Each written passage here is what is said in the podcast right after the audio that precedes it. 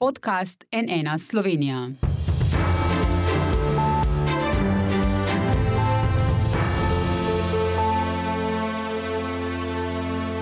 Dober dan, to je NN studio. Kmalo po uradnem začetku predsedniške bitke, prvi šok. Kandidatka vladajočega Gibanja Svoboda in podpredsednica stranke Marta Kos je, kot smo danes ekskluzivno razkrili na NN, odstopila od kandidature. Kot pravi, citiram, zaradi spremenjenih okoliščin in osebnih razlogov. Konec citata. Več ni razkrila, a vsekakor gre za velik pretres na slovenski politični sceni.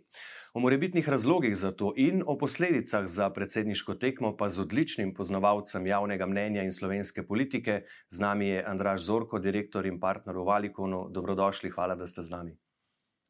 Lepo zdrav.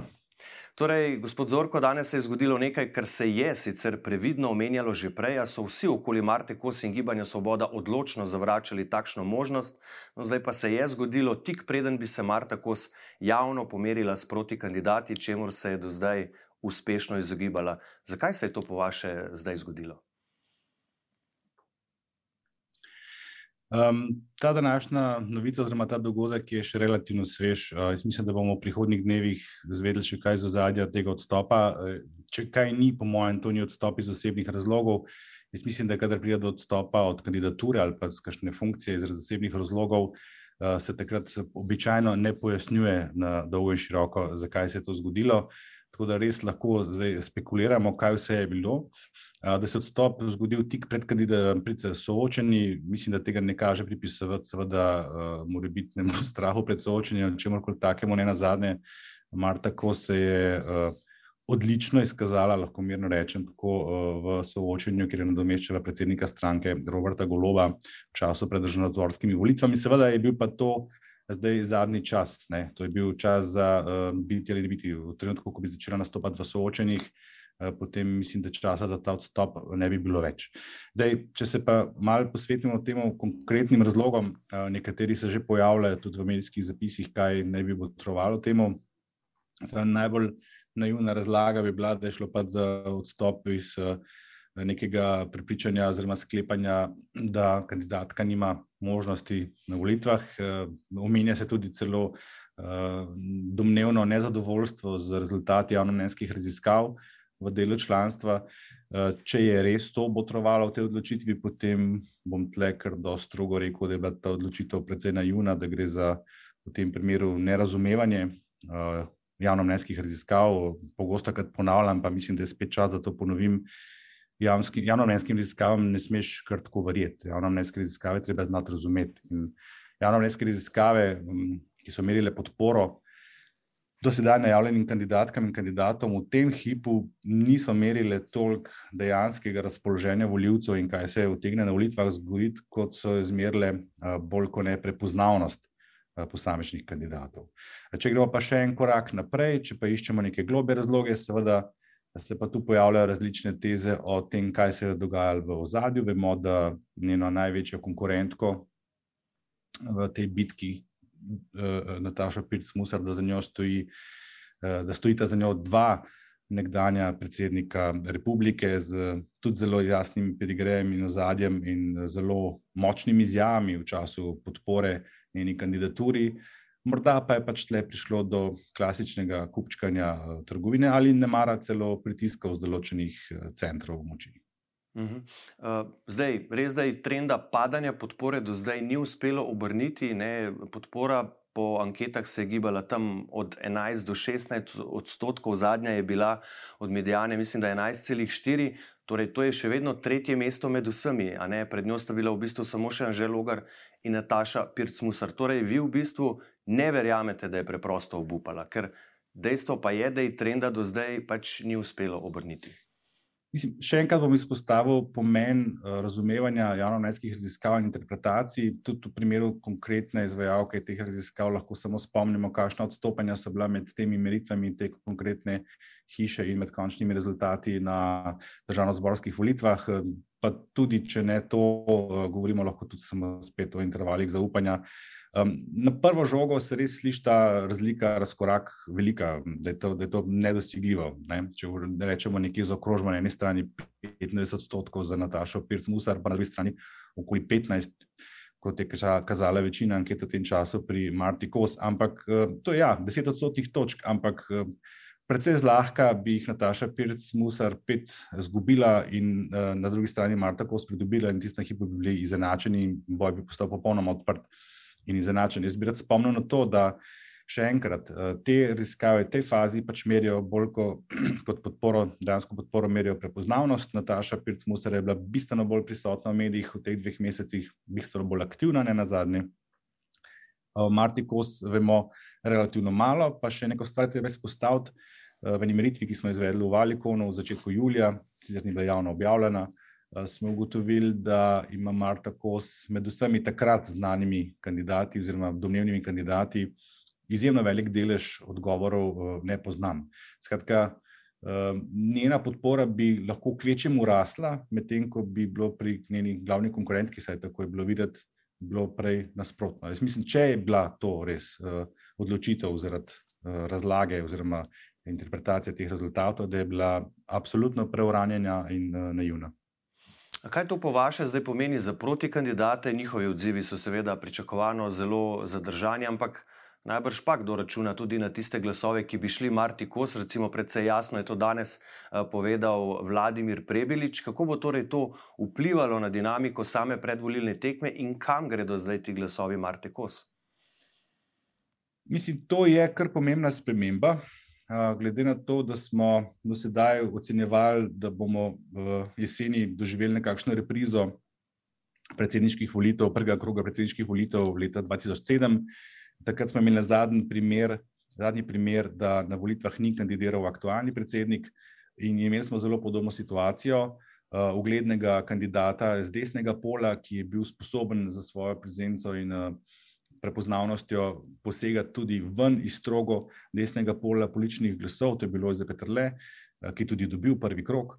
Če se spomnimo, eh, na drugi strani sta bila pa zelo blizu konkurenčnosti Danilo Tirk, vdoči predsednik, in pa Mitja Gaspari, ki sta, ki sta bila precej zanačena. In eh, tu je kazalo na zelo podoben razplet. Moja ocena je bila še pred kratkim, da, kot sem prej rekel, ne, bolj verjetno bi Nataši Pirc-Musar podpora padala, kot ne, in bolj verjetno bi Marti Kos rasla, kot ne, ko bi se začela soočanja. Tako da bi verjetno prišli v podobno situacijo, ker v trenutku, ko bi se kandidatki eh, približali po javnomnenjskih raziskavah, eh, bi začeli delovati tudi eh, drugi vzgibi pri voljivcih, ne sicer v tolikšni meri, kot smo to bili priča na državno-zborskih volitvah, govorim se da spet o taktičnem glasovanju, ampak ko bi kazalo na to, da je pa, da je pa dovolj par odstotnih točk, bi pa se aktivirali, jaz verjamem, določeni podporniki voljivci, Gibanja Svobode iz aprilskih volitev in prišli pomagati kandidatki te stranke, da se pribijo v drugi krok. Eh, moja ocena še do včeraj zjutraj, ko sem dobil prvi namik, da je možen ta odstop od kandidature, je, da, da je bila Marta Kos eh, realen kandidat za drugi krok in s tem tudi seveda za predsednico bodočo. Komu pa ta njen umik zdaj najbolj koristi, je to Nataša Pirc-Musar ali morda eh, kandidati z levo, levega, levo-sredinskega pola, ki do zdaj recimo niso dosegali nekih konkretnih odstotkov po zdajšnjih anketah, da nimo, ne vem, Ivo Weigl, eh, Vladimir Prebilič, ki sicer govori o preseganju teh uh, klasičnih delitev in tako naprej. Zdaj, ko se zgodi odstop takega kandidata, ne, ki je zasedel tretje mesto, to velja še enkrat povdariti. Eh, in ki je imel realne možnosti za, eh, za boj, za, za vstop v drugi krok. Potem se je seveda spostavil uh, kar nekaj, vsaj iluzija nekega prostora za vse ostale kandidate. Jaz mislim, da ta račun ni tako preprost. To ne pomeni, da je zdaj tistih 15 odstotkov plus minus, ki bi lahko uh, Eh, ki bi jih lahko dobila Marta Kos, da je pa to zdaj kar avtomatično prenosljivo na kandidate z levo-sredinskega pola, uh -huh. še manj seveda desno-sredinskega, glede na to, odkot prihaja Marta Kos. Um, jaz mislim, da bi to utegnilo potrovati eh, kar precejšnjemu razočaranju v določenem krogu podpornikov stranke Gibanja Slovenija. Eh, tudi po tej plati se mi zdi, da je bila odločitev, če je bila sprejeta na ravni stranke, preuranjena in do neke mere naivna. Uh, Uh, kar pa ne na zadnje, bom rekel, ni presenetljivo za nove stranke. Uh, ker um, ta stranka je na državno-zborskih volitvah posegla v en bazen voljivcev, kamor do zdaj stranke niso posegali. Govorimo o voljivcih, ki se volitev načeloma ne odeležujejo, ki so prišli na te volitve z nekega kar konkretnega upora, predvsem proti ukrepom iz časa epidemije. Tudi vprašanje, če bi prišli zdaj, lahko pa bi se aktiviralo v nekem trenutku. Veliko eh, podpornikov te stranke je prišlo samo zaradi nasprotovanja eh, prejšnji vladi. Tista podpora, ki pa je bila izražena, je bila pa v bistvu iz eh, nekih bolj iskrenih podpornikov te stranke. Tako da jaz ne vidim nekih avtomatizmov, tle, ne, da se bo pa ta podpora zdaj kar avtomatično prelila. Vendar gre za voljivce, ki so stavili na neko novo politiko, eh, na nov obraz, na novo stranko. Uh, tako da jaz mislim, da tle ni preveč zaračunati s tem, ne, da bi pa zdaj uh, si Nataša Pirc pa lahko uh, zamislila, da bo pa kar avtomatično dobila vse te glasove, da si ravno, so seveda ideološko gledano, najbližje, niti ne ostala dva. Se pa vsekakor odpira prostor, prostor mogoče bolj za kakšnega kandidata iz ozadja. To se mi zdi bolj verjetno, kot pa da bi zdaj, recimo, kot se tudi že spekulira, uspelo Nataši Pirc-Musar zmagati že kar v prvem krogu. Uhum. Janez Janša je Anžeta Logarja, dolgoletnega poslanca SDS, nekdanjega zunanjega ministra iz kvote te stranke, predsednika sveta SDS, označil za neodvisnega kandidata. Ali ga ljudje eh, sploh lahko dojamejo kot takšnega in kako lahko umik eh, Marte Kos vpliva na njega, vendarle se mu zdaj uh, nasmiha drugi krok, zmaga pač ne. Zdaj vas je malo odnesel, zdaj pa ne vem, aj prekidali.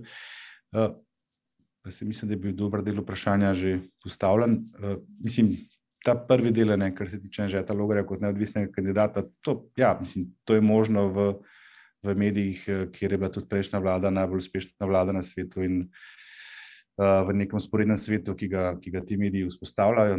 Že Logar pač ni neodvisen kandidat, ne zdaj kaj to komentiram, to je res smešno. Um, dvomim, mislim, se pravi, še enkrat.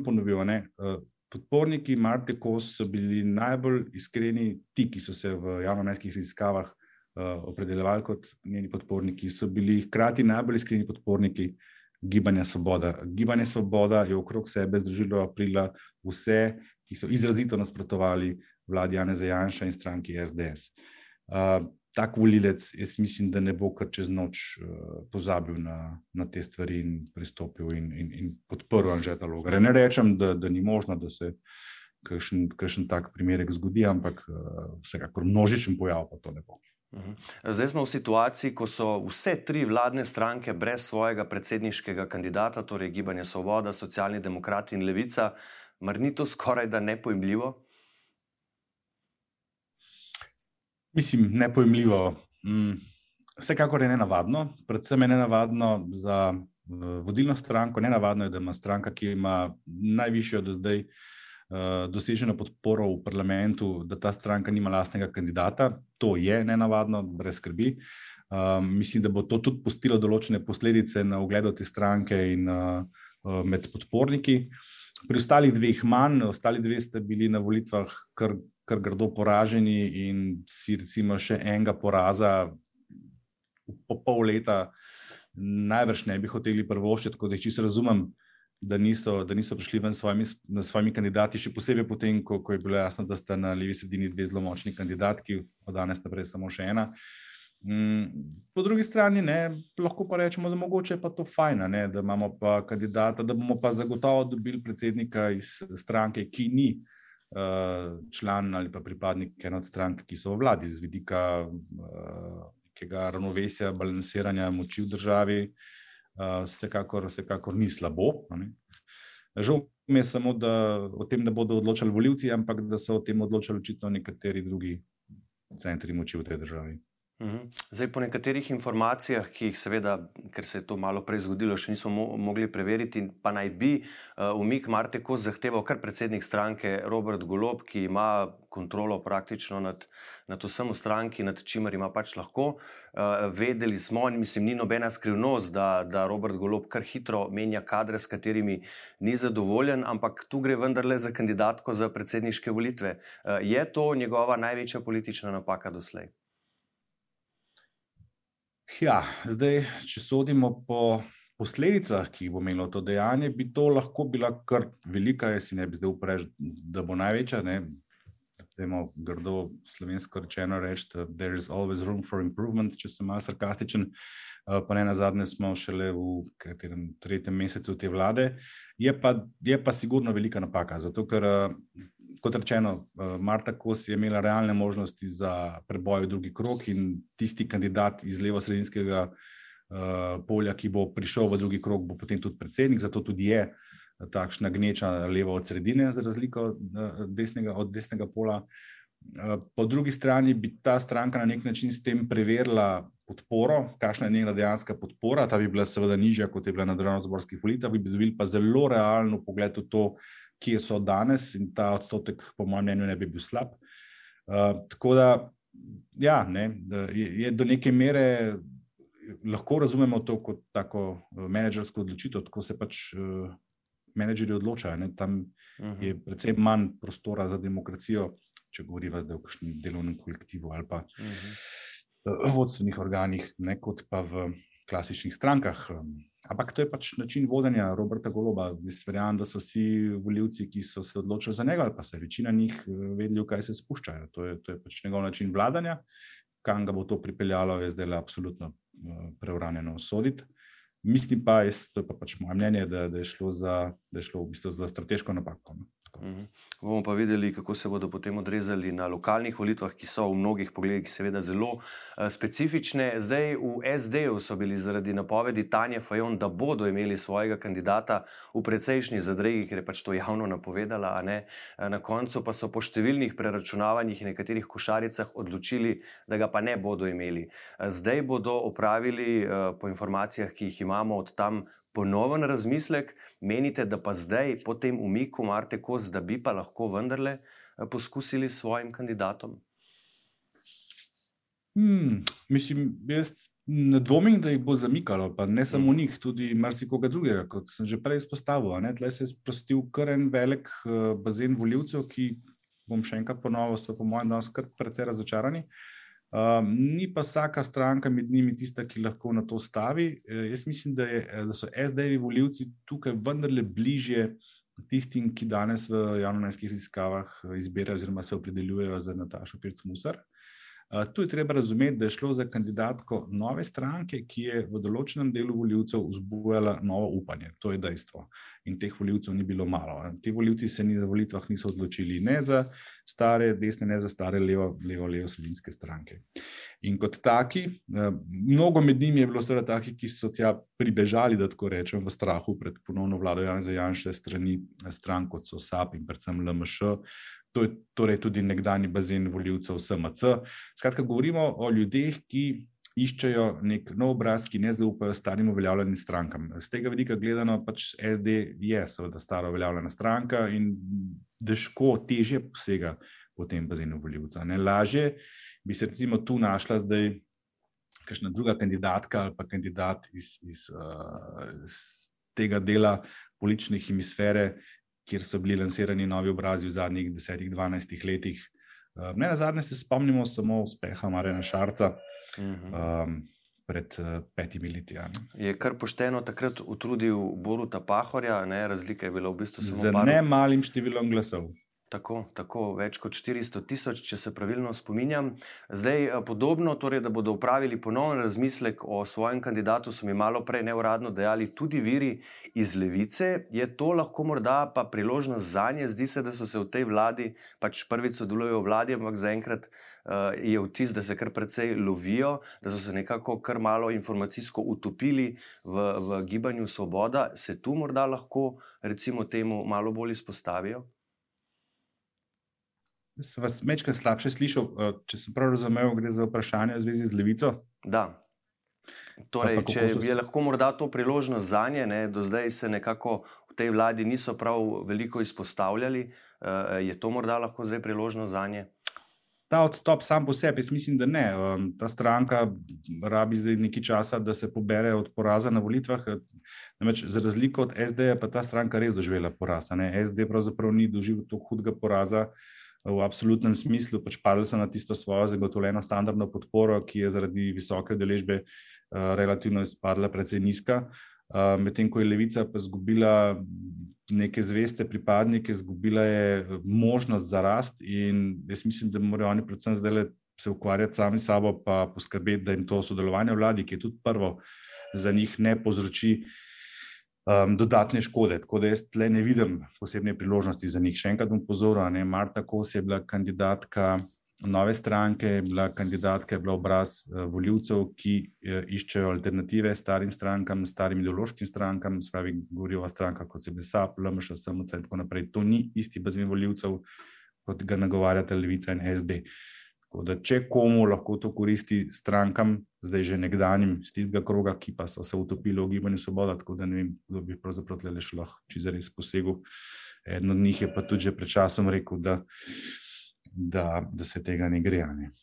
Zdaj, še vedno se odloča tudi Ljudmila Novak, zdaj ta teden bi morala ali pa naslednji teden vendarle sporočiti svojo odločitev, ker se čas pač izteka ne, za vlaganje kandidatur. Menite, da pa lahko ta umik Marte Kos kakorkoli vpliva na njeno končno odločitev? Uh, mislim, da ne. Ljudmila Novak absolutno posega v večji meri po desno-sredinskih voljivcih. Uh, mislim, da uh, tu prekrivanja, vsaj ne do te mere, da bi to lahko pomenilo kaj več možnosti za ljudi, novak, vendar le ni. Ta bazen voljivcev je, je specifičen. Lahko, da bi se določen del voljivcev odločil za ljudi, novak v tem primeru, ampak to bi bilo vsekakor premalo. Glede na to, da ima, desna, da ima desni pol predvsem močnega kandidata, ki bo očitno prišel v drugi krok kar pa seveda pomeni, da potem tu ni več prostora za kandidata iz desne sredine. Um, tako da jaz mislim, da ne, da to, tu ni neke resne računice. Uhum. Za konec, morda še to, kaj zdaj pričakujete v teh naslednjih dneh, tednih, uh, glede same dinamike uh, predsedniške bitke, zdaj se stopnjuje, ampak v bistvu smo že kar veliko videli, že sredi poletja, ne? zdaj, ko se je dejansko začelo zares, ko se zbirajo podpisi, ko se uh, vlagajo kandidature kaj bomo po vaše še videli, poleg obiskov terenov, uh, televizijskih soočen, uh, gostovanj, stiskov rok, planinarjenja in tako naprej?